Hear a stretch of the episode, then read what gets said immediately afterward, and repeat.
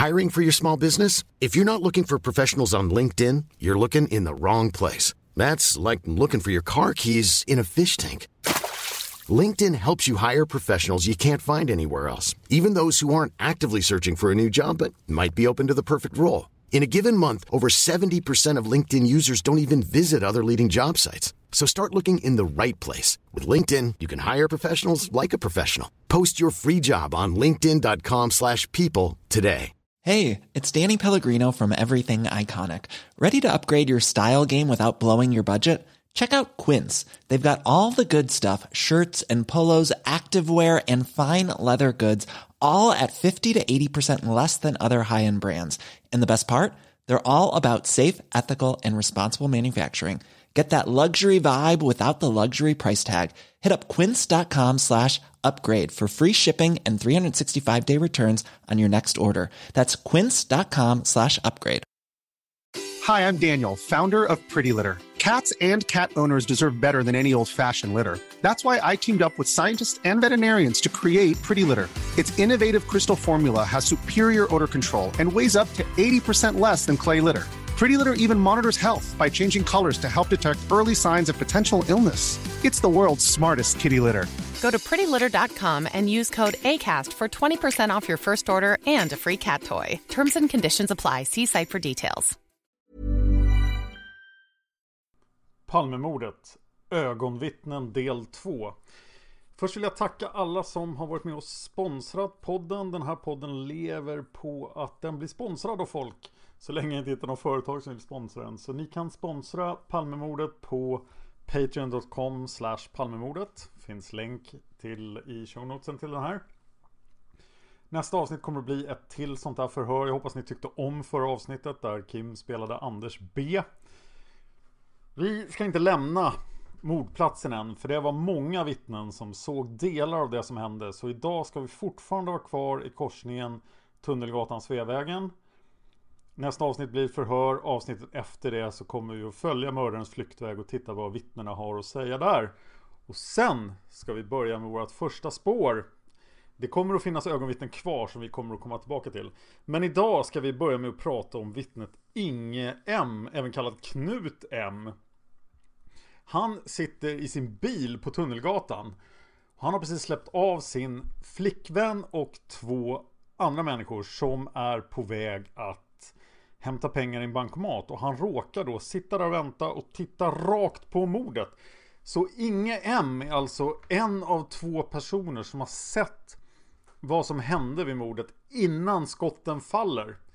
Och det första förhöret med Inge M sker på morgonen direkt efter mordet, alltså den 1 mars 86 klockan 9.20.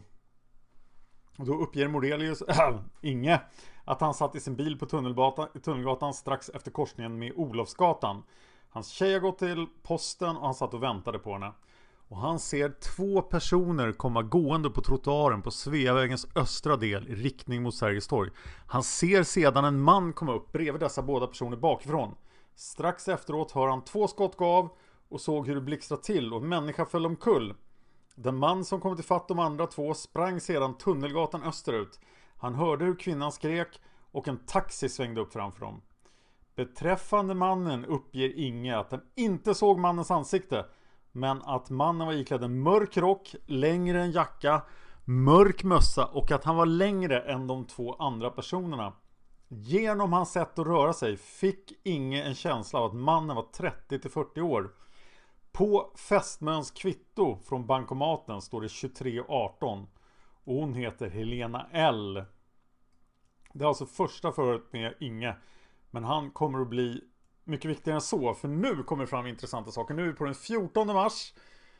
Och kriminalinspektör Lars Borgström leder förhöret den 14 mars klockan 10.30. Och eh, Inge berättar att han sitter i en Opel Rekord 73. Han står på andra sidan Sveavägen från mordplatsen. Han är vänd direkt mot makarna Palme. Och eh, han är ungefär fem meter fram till rödlyserna på Tunnelgatan.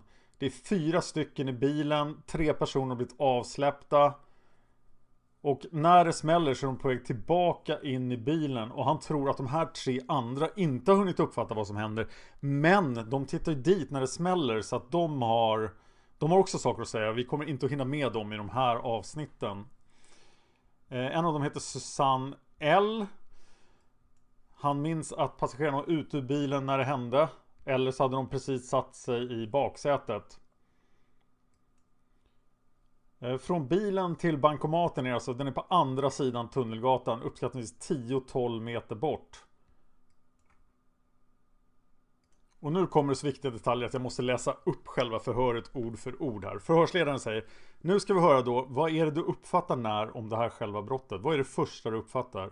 Och inget svarar, jag sitter, jag ser en kille som står Det går folk som, alltså på andra sidan Sveavägen för mig sett De går ner mot Wennergren Center, det kan ha varit 5, 6, 7 personer som går ner mot Wennergren Center Ingen av de här människorna är identifierade Om inte en av dem är Nikola då så kommer det två personer varav den ena går något före och som jag uppfattade så var det en kvinna Sen kommer det upp en man nu efteråt så. Han stod alltså vid, om det är ett skyltfönster, eller mot väggen. Redan när den andra gruppen som kom uppifrån Kungsgatan sett gående. När de hade gått förbi och kvinnan och mannen kommer gående, då han, går han ut bakom. Som jag uppfattade så tog han, men där är jag osäker. Jag uppfattade som att han tog tag i axeln på Palme eller på något sätt. Jag uppfattade som att nu händer någonting. Jag trodde att det skulle bli bråk. Jag fick en sån här underlig känsla. Sen small det bara två skott. Han som sköt, efter skotten stod han ner handen lugnt och fint. Tog ett par steg bakåt och kvinnan, hon vände sig om och ropade. Då rör han sig lugnt och försiktigt. Backar han och vänder sig och går och tittar ett par gånger. Men så försvinner han och joggar bort. Men rusar inte. Och observera här då att han har alltså sett den här mannen stå och vänta vid Dekorima-hörnet ett tag. Och vi ska komma tillbaka till det. Eh, det står i ett första meddelande, säger förhörsledaren. Efter uppslaget vi har fått att du ser en eldsflamma. Inge säger, ja jag ser två stycken. Det blixtrar till, det blixtrar till, jag hör två knallar. Ja, de pratar lite om eldsflammorna. Eh, sen kommer de tillbaka till gärningsmannen. Vad har du för uppfattning om från vilket håll? Var kom han ifrån? Inge svarar, han stod på Sveavägen. Han stod vid kåken, hörnan Sveavägen, Tunnelgatan. Han kom inte från Sveavägen, utan det uppfattades som att han stod där. Jag är inte helt säker på den uppgiften. Men jag uppfattade det som att han kom. Han stod där redan när jag satt i bilen. Och när paret kom gick han ut från väggen och gick upp bakom. Jag uppfattade det som att han stod. Nu efteråt så uppfattade jag det som att han måste ha stått och väntat. Förhörsledaren. De andra två som du har talat om här som du såg komma uppifrån. Ingen svarar. Det var alltså ett sällskap på 5, 6, 7 personer. De gick, fortsatte ner mot Wennergren Center eller vad det heter. Förhörsledaren. Var var de någonstans när det här hände då? Ingen svarar. De måste ha hunnit. Jag törs inte svara på det. 10-15 meter ifrån. Och det är ju fantastiskt sensationellt. Om de här sju personerna kanske stod 10-15 meter bort. Inte är hörda. De finns inga vittnesförhör på dem. Vad jag vet. Rätta mig om jag har fel. Eh, vad gjorde de här människorna efter? Frågar förhörsledaren. Ingen svarar. Det törs jag inte svara på. För jag försökte hålla, koll, hålla ögonen på den killen som sköt. Han rörde sig så lugnt så att jag, om jag uppfattar det, om jag släpper honom nu med ögonen kommer jag aldrig kunna uppfatta honom mer. Men sen var det en taxi som körde runt direkt. Så kom en tjej springande, en ung tjej. Hon har ingen jacka på sig och sen bara strömmar det till folk. Förhörsledaren. Är det någon person här i det här ögonblicket när det händer som lämnar platsen? Som du ser lämna platsen? Ja, Okej, okay, mördaren springer iväg. Eh, förhörsledaren. I själva skottögonblicket, du säger att han är framme vid axeln. Inge säger, som jag uppfattade från där jag satt så tyckte jag att gärningsmannen mer eller mindre, om man tog på honom eller han tilltalade för han vände sig om så sakta. Så uppfattade det och så small det två skott. Vem var det som vände sig om? Frågar förhörsledaren. Ingen svarar. Mannen i fråga som varit skjuten, det vill säga som jag fick reda på efteråt. Olof Palme. Förhörsledaren. Du visar här att han vände sig till vänster. Inge. Ja, som jag uppfattade så vände han sig till vänster. Och jag måste ha suttit alltså 60 meter ifrån. Jag törs inte... Såg du vapnet? Ingen svarar. Nej, jag såg att han tog upp handen ur fickan och så small det. Från vilken ficka? Höger.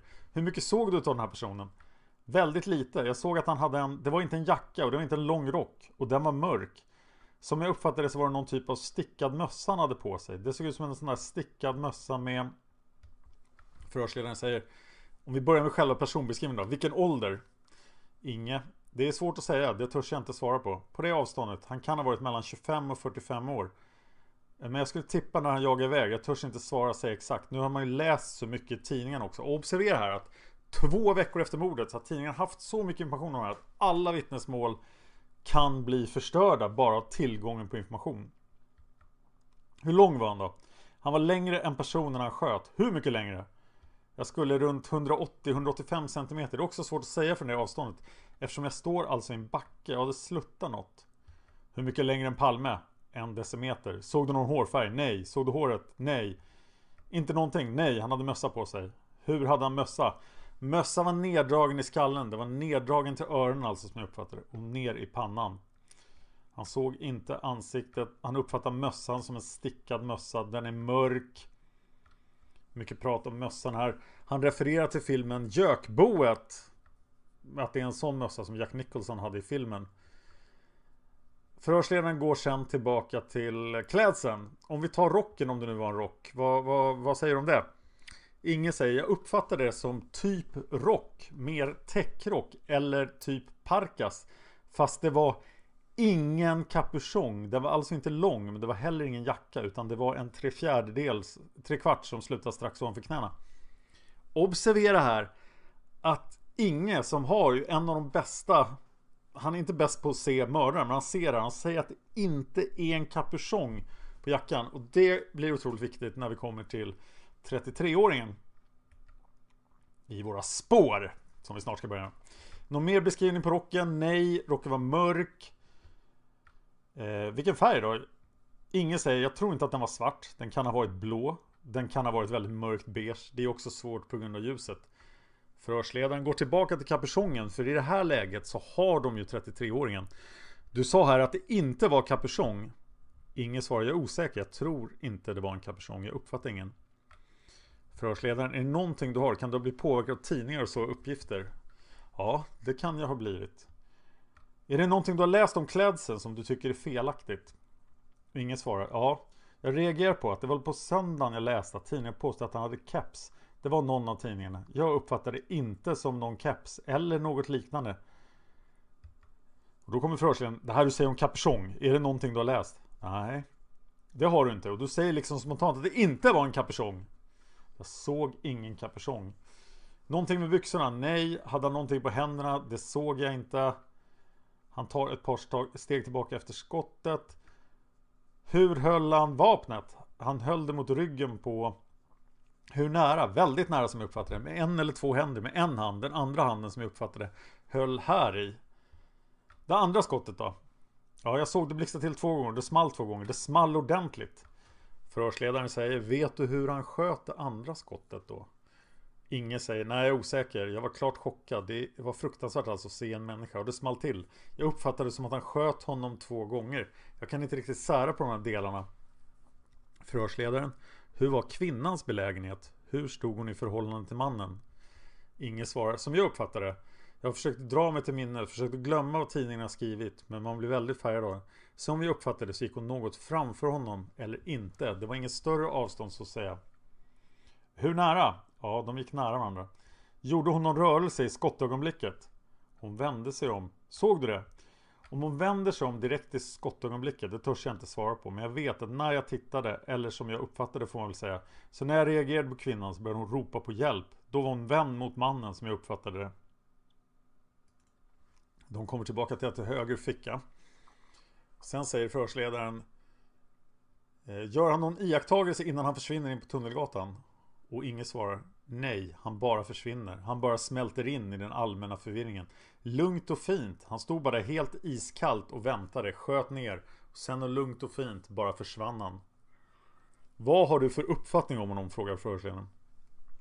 Inge svarar. Det var slakt. Han var slaktare. Han stod där och väntade helt iskallt. Han visste att de skulle komma den vägen.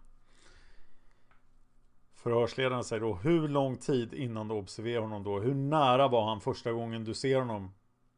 Inget svar. Jag står alltså på andra sidan Sveavägen. Jag hade precis vänt bilen. Det här rör sig om minuter. Ja, man kan ju gå långt på en minut också, säger förhörsledaren.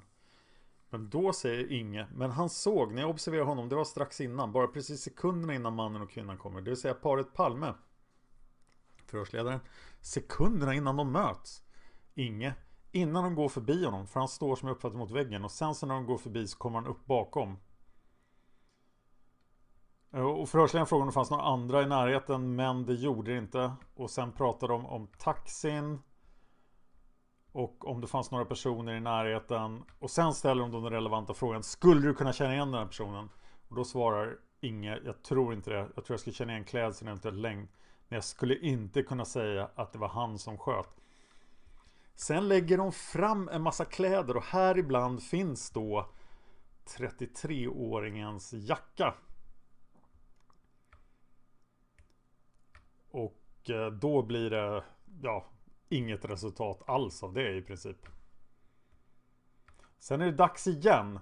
Den 8 april så förhör kriminalinspektör Lars Hamren Inge igen.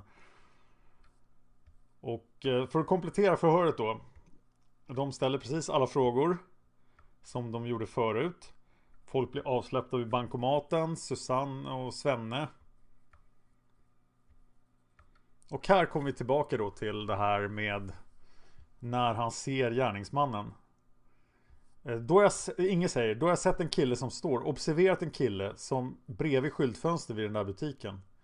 Förhörsledaren, när observerade du honom? Ja, ungefär i samma veva som de kliver in i bilen. Förhörsledaren, varför kommer du att tänka på honom speciellt? Inge säger, jag sitter ju och tittar, man tittar ju runt. Var står den här killen någonstans? Han står vid Dekorima. Var någonstans står han? Han står vid ett av skyltfönstren strax intill ja, ingången till butiken. Står han till höger eller vänster om ingången? Till höger om ingången från mig sett. Alltså mellan ingången och Tunnelgatan. Ja, precis. Och mannen står alltså där vid Sveavägen. Han väntar, de här människorna går förbi. Som vi pratade om tidigare. De är ungefär mellan 20 och 30. Det är ungdomar. Det är blandat tjejer och killar och som sagt inte identifierade.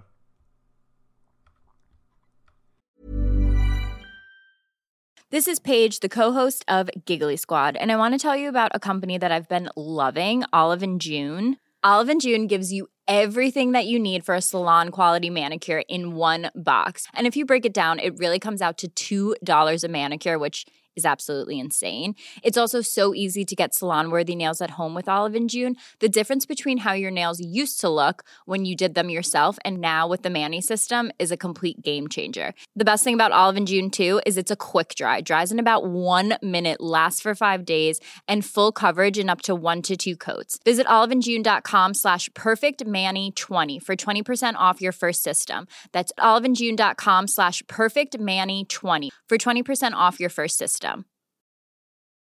If you thought the only way to get a more defined jawline with natural looking results was through surgery, think again. Juvederm Volux XC is a non surgical injectable gel filler that improves moderate to severe loss of jawline definition and can help you achieve natural looking results with little downtime. Even better, this improved definition lasts up to one year with optimal treatment. No maintenance required. Improve jawline definition for a smooth, sculpted look with Juvederm Volux XC. For important safety information and to find a licensed specialist, visit juvederm.com. That's J U V E D E R M.com. Not for people with severe allergic reactions, allergies to lidocaine, or the proteins used in Juvederm. Common side effects include injection site redness, swelling, pain, tenderness, firmness, lumps, bumps, bruising, discoloration, or itching. There's a risk of unintentional injection into a blood vessel, which can cause vision abnormalities, blindness, stroke, temporary scabs, or scarring. Talk to a licensed specialist to find out if it's right for you. A lot can happen in three years, like a chatbot may be your new best friend.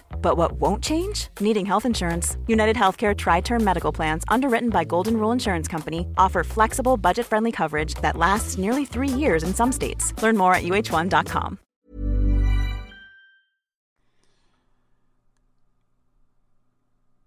Och Inge igen då.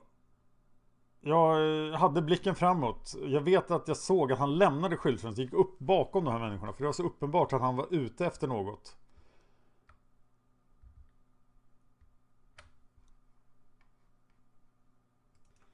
Och här kommer då att eh, han tror att den här mannen ska rycka handväskan eller någonting. Och sen säger Inge, han går upp bakom mannen, men när jag märker att han går upp bakom dem, då förstår jag att han vill dem någonting. Jag menar, hade de känt varandra så hade de hälsat på varandra förstår du. Det var fredagkväll och jag bara kände på mig att någonting var i görning. Det var bara en känsla jag fick. Han går upp bakom mannen, tar som jag uppfattade med vänsterhanden på axeln på honom och han höjer högerarmen. Och som jag uppfattade det så smäller två skott i tät följd. Och nu måste jag avbryta då för att fundera på det här med handen på axeln.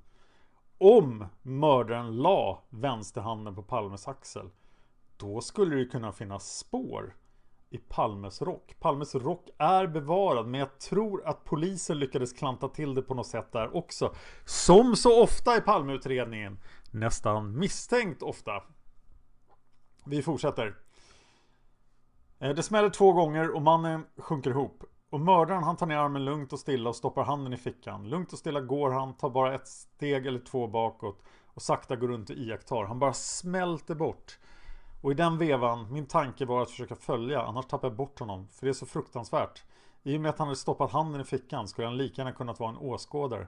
Så min tanke är, släpp honom inte med blicken, ta reda på var han tar vägen.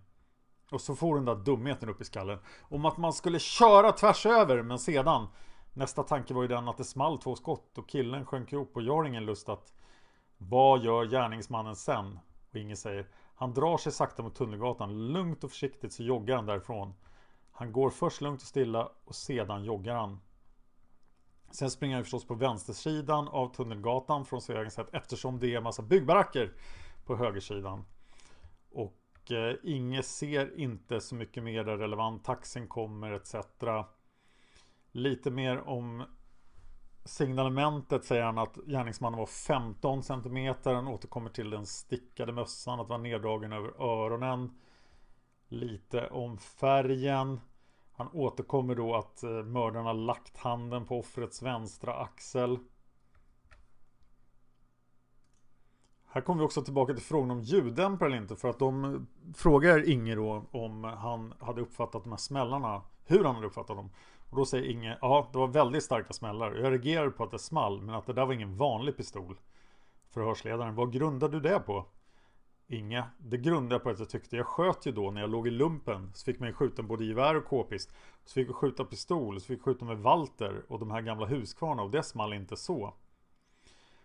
Eh, sen säger han att det smällde gröd, att det var som kanonskott. Ungefär som att kasta in smällare i bilen. Han hade fönster, dörrar stängda. Det låter ju onekligen som en 357 Magnum. Som inte har en ljuddämpare. Om man lyssnar på Inge. Och det var då Inges vittnesmål från 86. Eh, det mesta övriga var upprepningar. Men sen är det dags att förhöra honom igen. Den 12 november 1987. Och då gör Ingvar Källvås förhöret. Eh, och eh, ja, uppföljning av tips står det. Och här står det då när han parkerat bilen mitt emot bankomaten tittade sig runt omkring. Han såg då hur mördaren kom gående Sveavägen söderut på dess östra gångbana framför en reklampelare som är placerad strax innan korsningen med Tunnelgatan. Mördaren släntrade fram och ställde sig vid skyltfönster bredvid ingången till Dekorima. Efter cirka 15-30 sekunder kom det ett gäng på 4-7 personer gående Sveavägen norrut. Inge upptäckte dem strax innan korsningen med Tunnelgatan. Personerna gick en klunga och var bra berusade. Han uppfattade dem vara i 25 till 40 års åldern, alltså äldre än tidigare. Och att, det här, att de var berusade också. är ju nytt. Och att de var vinterklädda. I korsningen mötte gänget två män som gick Sveavägen söderut. De är nog inte heller identifierade. Och vad var de i den tidigare versionen? Han beskriver männen som också är 25 till 40 års åldern. Någon beskrivning på deras klädsel kan han inte lämna. De två männen fortsatte Sveavägen söderut. Sen iakttar han mördaren under cirka 3-4 minuter. Så att mördaren ska alltså stå vid Dekorima i 3-4 minuter. Och det är väldigt länge i det här sammanhanget då. Eftersom då blir det svårt att hinna från Grand, gå förbi korvkiosken precis bakom Palme. Och sen springa då på Sveavägens västra sida och över gatan och komma till Dekorima-hörnet. Så att det här har använts av många som en uppgift som tyder på att mördaren inte är personen som gick bakom korvkiosken. Och det var alltså Morelius. Och många har läst in mycket mer i det här vittnesmålet än vad som står här. Det finns alltså 3-4 minuter uppgiften. Det finns uppgiften om att handen läggs på Palmes axel. Men eh, ja, han kanske har sagt någonting till Palme. Man har definitivt inte stått och pratat med Palme då, som man kan läsa i vissa källor. Nu går vi vidare till den här taxin som svänger in. För den körs nämligen av Delsborn. Han har samma förnamn som en annan, ett annat vittne. Så jag kommer att kalla honom för Delsborn. Och nu ska vi prata om honom. Det är också Delsborn som larmar Järfälla Taxi. Som är de som lyckas få fram larmet till polisen. För det finns ett annat vittne som försöker ringa polisen för sin biltelefon. Och det går inte alls. Så nu är vi alltså med Delsborn, taxiföraren från Järfälla. Det första förhöret med honom sker 00.20, alltså mindre än en timme efter mordet. Och vem leder det förhöret då? Det är oh, kriminalinspektör H. Karlsson. Delsborn uppger förhöret att han fått en körning från Barkarby station till Kungsträdgården. Passagerarna var tre stycken yngre damer. De är också vittnen och de kommer inte gå in på de avsnitten än. Men jag kommer kanske återkomma till alla de här strövittnena. För det är alltså det är tre bilar i korsningen som står och väntar på rödljus. Och bilarna har passagerare också. Det, och det står folk på andra sidan Sveavägen. Okej, okay, jag fortsätter. När Delsborn kommer fram till korsningen Sveavägen-Tunnelgatan måste Delsborn stanna för rött ljus. Delsborn, framf Delsborn framförde bilen i det mittre körfältet. Delsborn säger med nästan full säkerhet att han inte hade någon bil bredvid sig, alltså i det vänstra körfältet. Delsborn har uppfatt, uppfattat situationen så att han, när han står för rött ljus, tittar åt båda hållen höger och vänster för att se om det kommer någon trafik ut med Tunnelgatan. I samma stund som Delsborn tittar åt vänster ser Delsborn tre personer, ett par och en man, stå och samtala med varandra i korsningen Sveavägen-Tunnelgatan, östra sidan av Sveavägen. Mannen som Delsborn något senare såg avlossa ett skott mot paret stod vänd med ryggen mot husfasaden medan paret stod vänd med ryggen mot Delsborn. Omedelbart som Delsborn startat färdigt igen hör Delsborn en kraftig smäll som kommer från det håll där han sett de tre personerna stått och samtalat. Delsborn som hunnit ut i korsningen vänder på huvudet samtidigt som han hör ytterligare en kraftig smäll samt ser en rökflamma från det vapen som mannen med ryggen vänd mot husfasaden håller i sin högra hand riktad mot paret. Vapnet uppfattade Delsborn som ett vapen med ovanlig lång pipa, typ kolt. Delsborn ser hur mannen som har blivit beskjuten faller omkull Samtidigt beger sig den som har avlossat skottet springande från platsen. Han springer Tunnelgatan i riktning mot Luntmakargatan.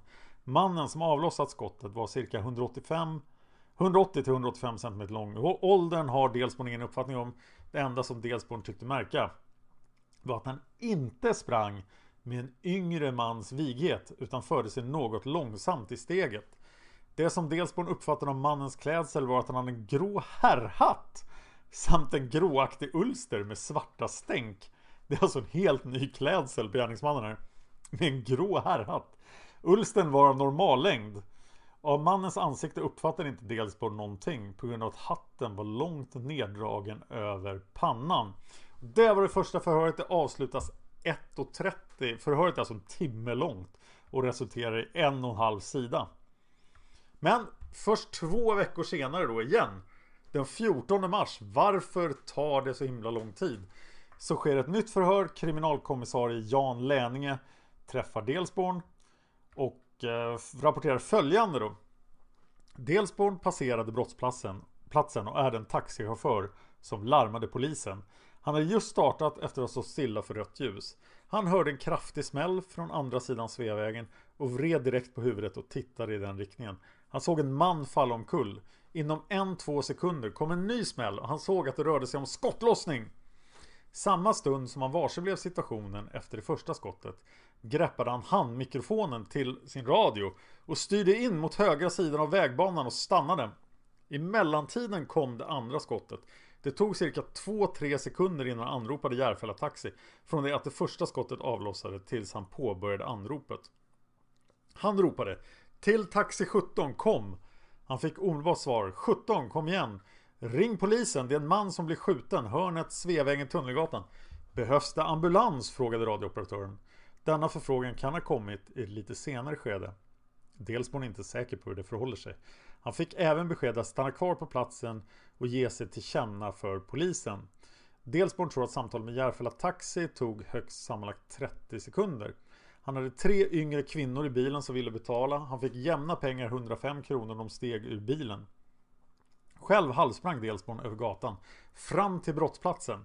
Två flickor och en man försökte hjälpa den skjutne och andra personer stod runt omkring. Han fick vänta en liten stund innan den första polisbilen anlände. Själv uppskattar han tiden från det första skottet till att första polisbilen var på platsen till cirka tre minuter. Och det kommer vi att diskutera till leda när vi kommer till polisspåret och ska fundera på vad som faktiskt hände här på brottsplatsen efter skotten. För det har vi faktiskt inte pratat så mycket om än. Efter andra skottet verkar det som att gärningsmannen tvekade lite grann över vilken väg han skulle fly. Han gungade av och an med överkroppen några gånger som är typiskt för sån tveksamhet. Det hörde vi ingenting om från Morelius. Förhöret fortsätter. Mannen tvekade en till två sekunder och sprang sedan in på Tunnelgatan mot Malmskillnadsgatan. Han verkade lite otymplig, nästan klumpig och stel. Nu börjar det komma de här grejerna. De börjar komma runt den 14 mars. Dels på själv kroppsbyggare och fäste sig vid dessa detaljer. Mannen sprang inte särskilt snabbt. Signalement 180-185 cm lång, kraftigt byggd, bred ryggtavla som ej berodde på det nuvarande modet med breda uppbyggda axlar. Cirka 40 år. Delsborn såg aldrig mannens ansikte, inte heller håret. Gärningsmannen var iklädd en långrock som räckte till knäna. Den såg ut att vara av ylle och verkade gråaktig med mörka eller svarta inslag. Han såg inte om rocken var knäppt eller om det fanns något skärpt. Delsborn uppger att mannen hade en huvudbonad som beskrivs såsom en blandning av en Sherlock Holmes-mössa och en vanlig herrhatt. Han såg inte om mannen hade någon väska. Han såg inte heller hur han höll sina händer då han sprang från platsen. Vi måste gå tillbaka till mössan här. Så vi hörde Morelius säga att det var en stickad Jack Nicholson-mössa. Så jag skulle kunna tänka mig att det är en stickad mössa med en skärm. En sån här jättebisarr mössa. Eller? Det är så konstigt att folk har så olika uppgifter. Men nu är han inne på den långa rocken igen. Och eh, mindre annorlunda än övriga vittnen. Det var allt från Delsborn då. Han är även förhörd i tingsrätten i rättegång mot Christer Pettersson om jag inte missminner mig. Men det sparar jag till ett avsnitt med en gäst. Det tredje vittnet vi ska prata idag är, om idag är Leif L. Leif L är ute och kör bil också. Och han blir förhörd klockan 12.15 Antar att det är vid lunch då Av Ali Lindholm Leif uppger att han och en vän till honom, Jan A kom till brottsplatsen samtidigt med en taxichaufför som intervjuats i massmedia. Och det är då alltså Delsborn.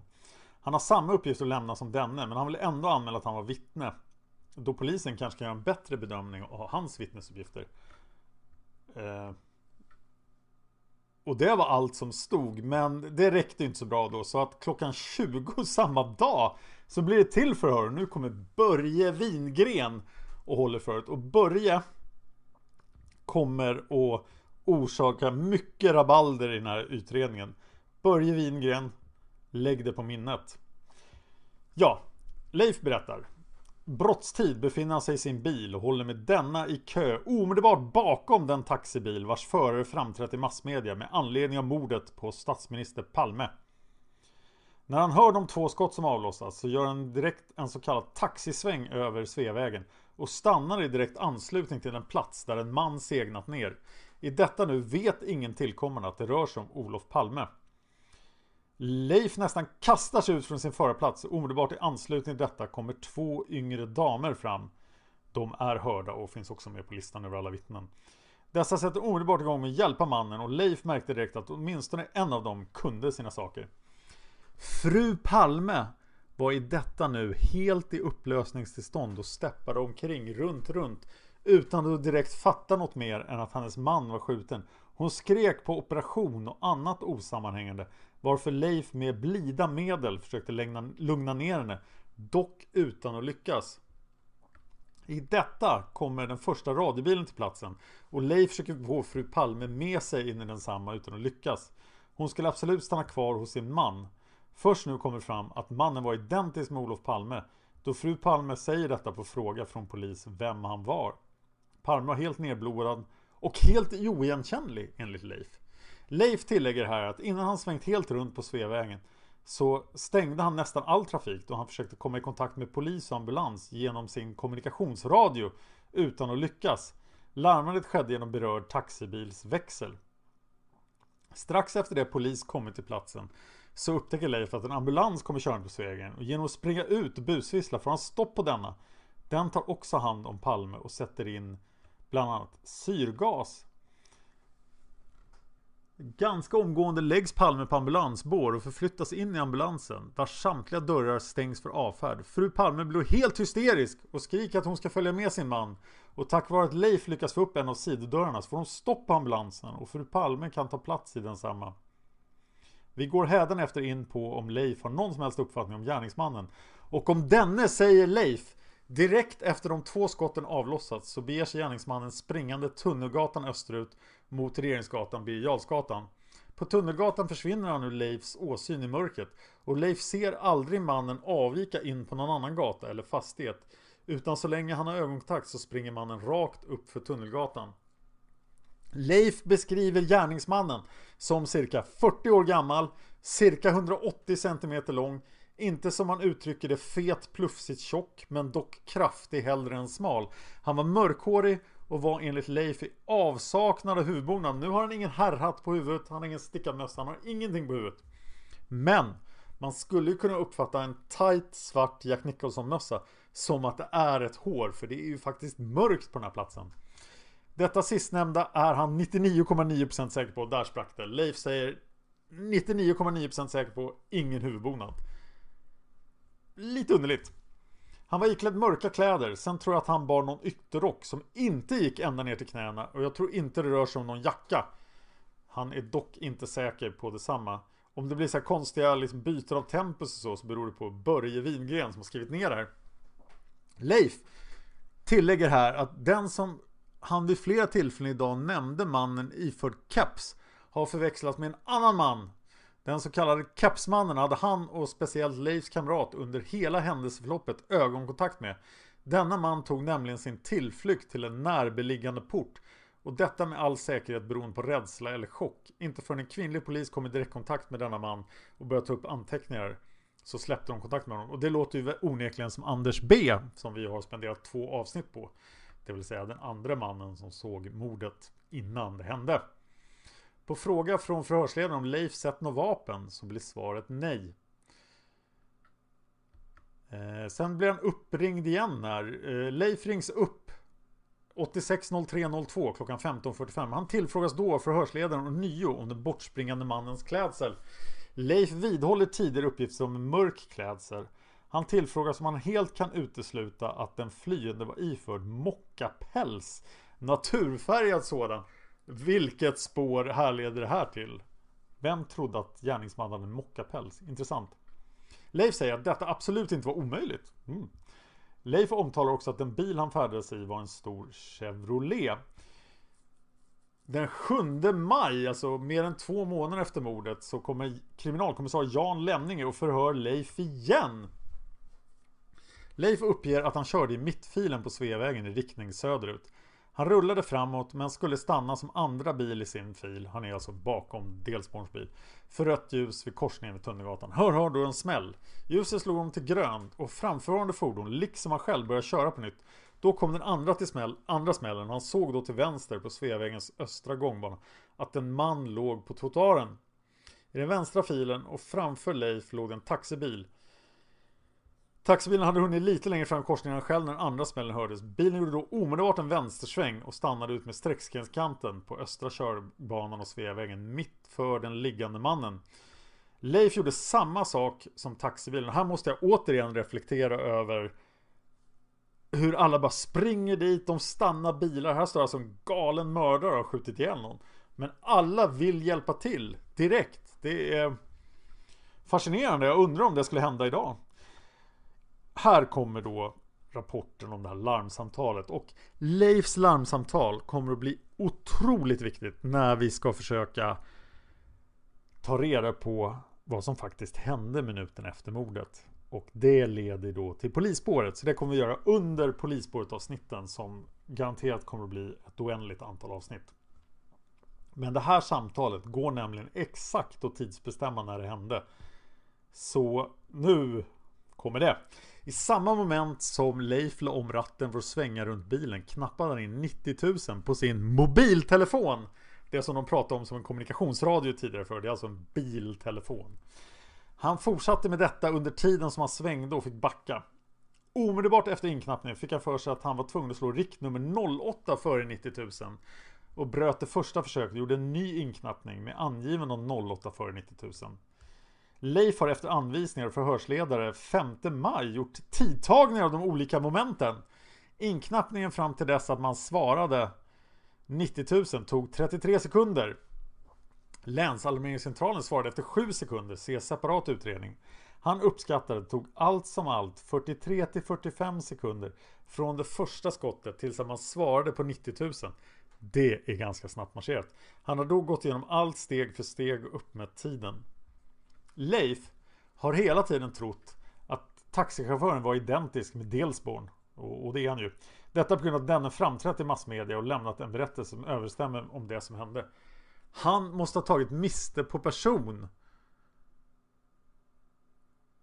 Jaha, eller har jag också gjort det kanske. Nu blir jag osäker. Eh, Leif upplyses om att dels på en taxi var av Mitsubishi Galant vit i färgen. Huh? Nu blir till och med jag förvirrad. Vi går vidare till nästa förhör. Eh, nu är det 27 april 86 och Håkan Ström. Det här hände alltså innan. Förhören är inte i ordning. Ska se om det tillkommer något nytt här. Exakt, okej. Okay. Fredagen den 28 februari klockan 23.00 befann sig Leif i sällskap med Jan Andersson på Narvavägen 12. Exakt klockan 23 ringer Leif i mobiltelefonen från sitt fordon till sin hustru.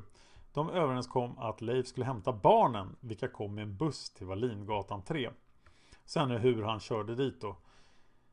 Eh, han frågar en kvinna när bussen skulle komma och hon svarar att den ska komma strax efter klockan 23. Han tittar då på sin klocka och den är 23.18. Och sen hamnar han då på Sveavägen söderut. Sen ska vi se om det kommer några nya uppgifter i det här förhöret. Det är lite mer om samtalet. Och här kommer en intressant passage då. Förhörsledaren säger till Leif Sen sa du att gärningsmannen stod kvar en stund. Mm. Och han tittade mot de här personerna. Har du någon uppfattning om hur lång stund det var? Leif svarar. Han stod nog och tittade på offret och kvinnan i fråga 3-4 sekunder innan han avvek från platsen. Såg du den här mannens ansikte då? Ja! Jag kan skönja hans ansikte, en svag bild i bakhuvudet.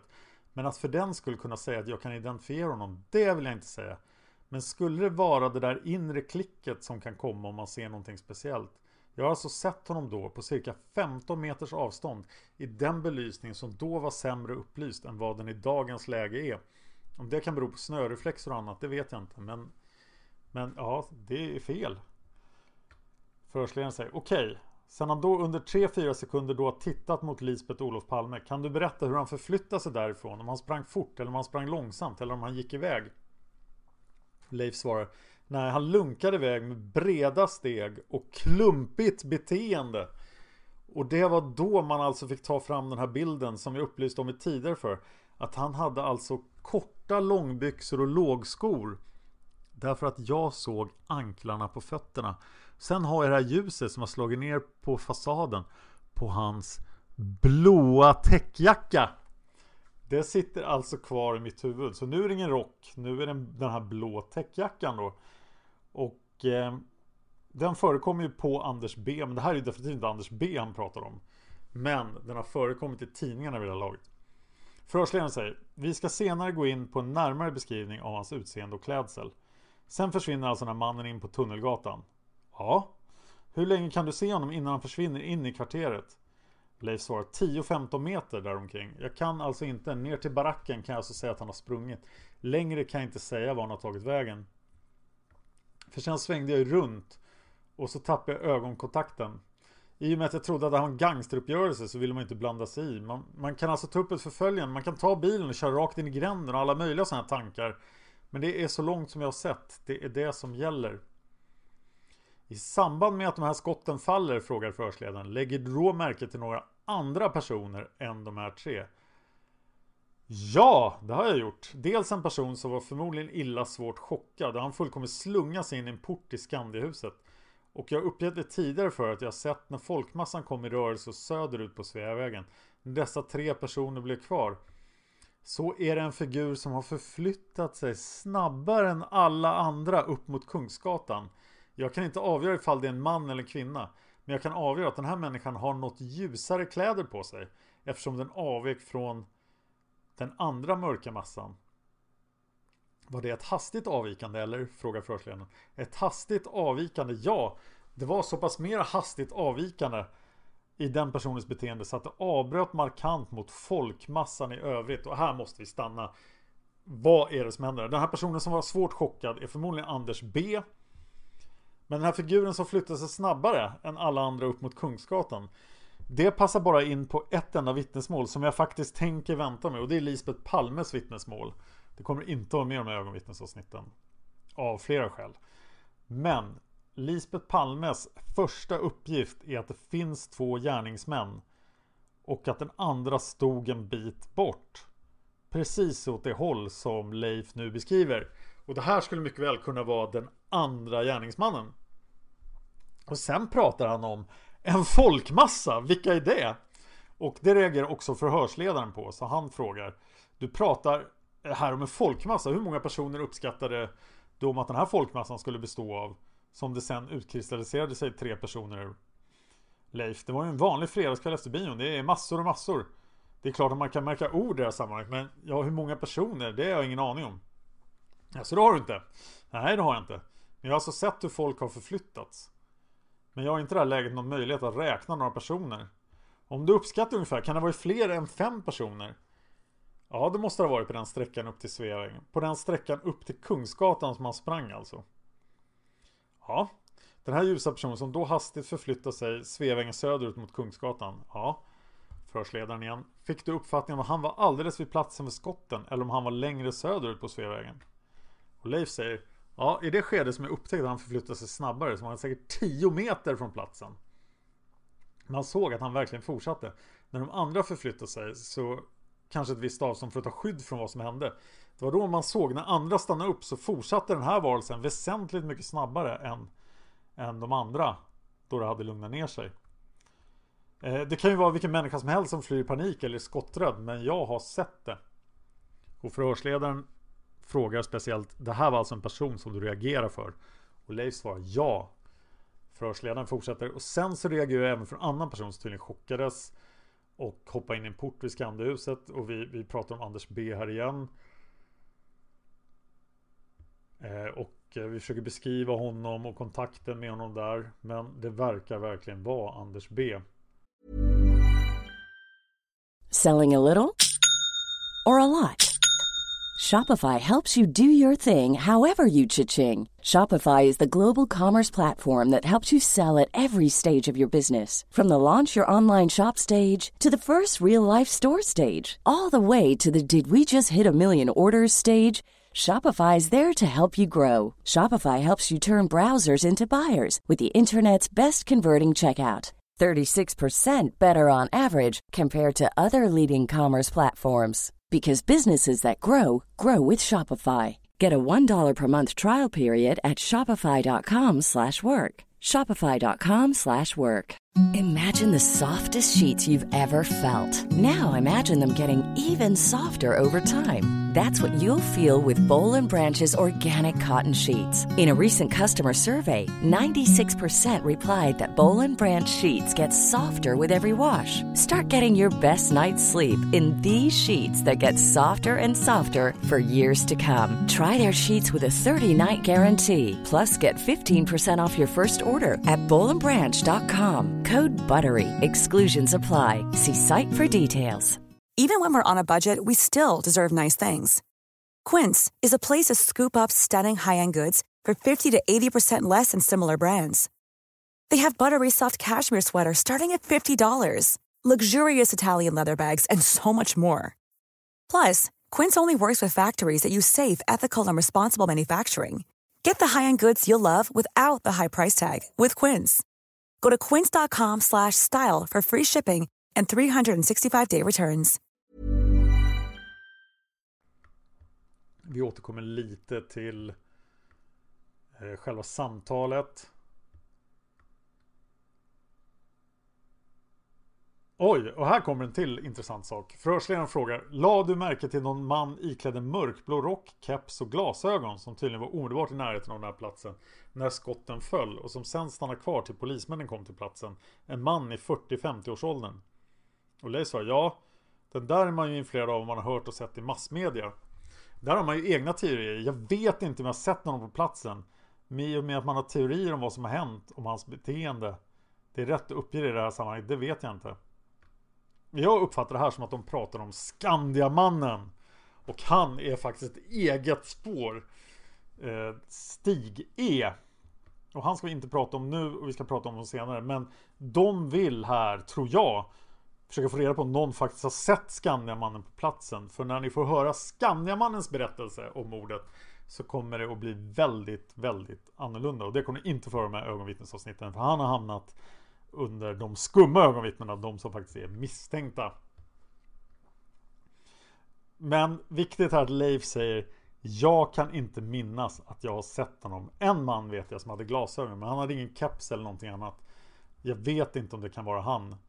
När jag satt i bilen och ringde, då kom det en man och frågade mig Har ni biltelefon? Och han hade visserligen glasögon. Men om han hade en keps, det vet jag inte. Förhörsledaren säger Kommer du ihåg om han talade med någon viss dialekt den här mannen? Nej, han talar mycket lugnt och lågt och lågmält och sådär. Så jag kan inte skönja någonting då. Vem använde ordet skönja? Gjorde man det på 80-talet?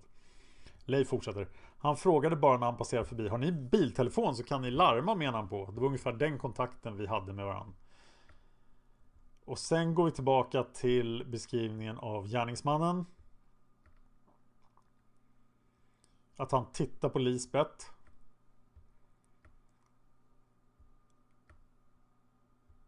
Och vi fortsätter klädseln på gärningsmannen. Du pratar där om en blå jacka. Leif säger ja. Kan du utveckla det närmare? Jag anser att gärningsmannen har haft en blå täckjacka, mörkare blå och längden på den kan jag inte avgöra därför att just i det bältet, där var det så pass mörkt. Men det här ljuset som då slog ner på axlarna, det avslöjade alltså en blå färg på jackan. Och jag kan alltså bara säga vad jag sett vid fötterna.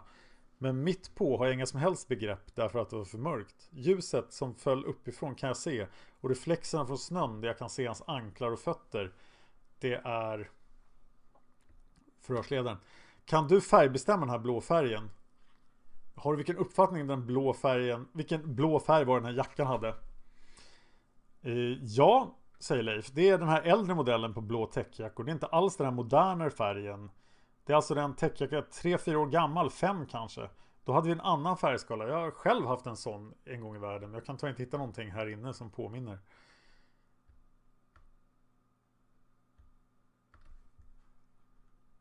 Och då bestämmer sig förhörsledaren för att granska den här uppgiften om att han var barhuvad. Det som tidigare var 99,9% säkert. Förhörsledaren säger Är du säker på att han var barhuvad? Han kan inte ha haft någon annan typ av mössa på huvudet. Nej, det skulle vara någon mössa då som faller ihop väldigt bra med hårfärgen. Men det borde ju också... Nej, jag har inte sett någon mössa. Så mycket kan jag säga. Förhörsledaren säger då, har du någon uppfattning om hårfärgen och hårlängden och hårform?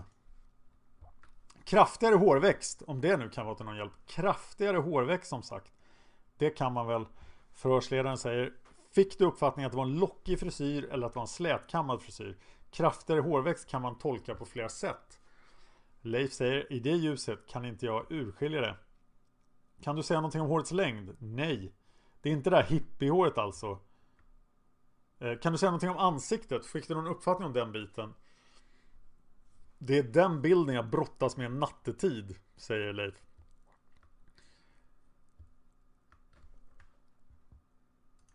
Och sen kommer de tillbaka till eh, det här med fötterna och eh, hur han gick. Förhörsledaren, kan du utveckla den biten lite närmare?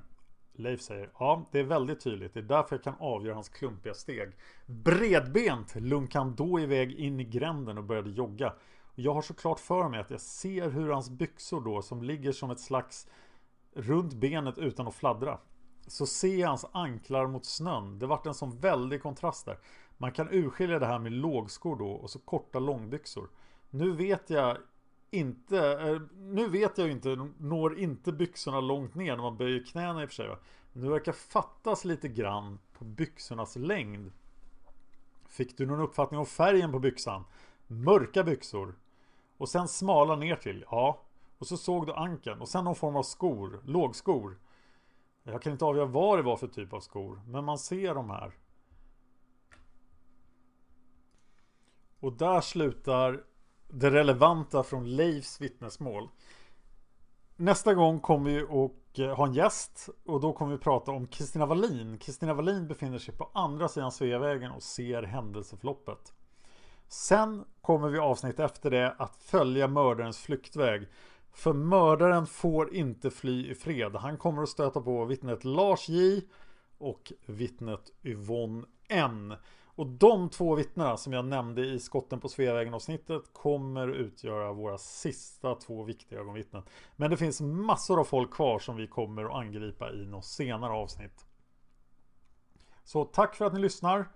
Gå gärna in på iTunes om ni lyssnar där och ge den här podcasten en recension. För då dyker den upp mycket högre i sökresultaten på iTunes. Och det är viktigt för podcastare. Ni kan kontakta mig på Youtube på Palmemordet där, eh, och på Facebook på Palmemordet. Jag kollar nog Youtube allra ofta, så om ni kommenterar på en video där så är det snabbaste sätt att få tag i mig. Jag finns också på Twitter som Dan Horning, för Twitter gillar inte ö. Ha det bra, vi hörs nästa onsdag.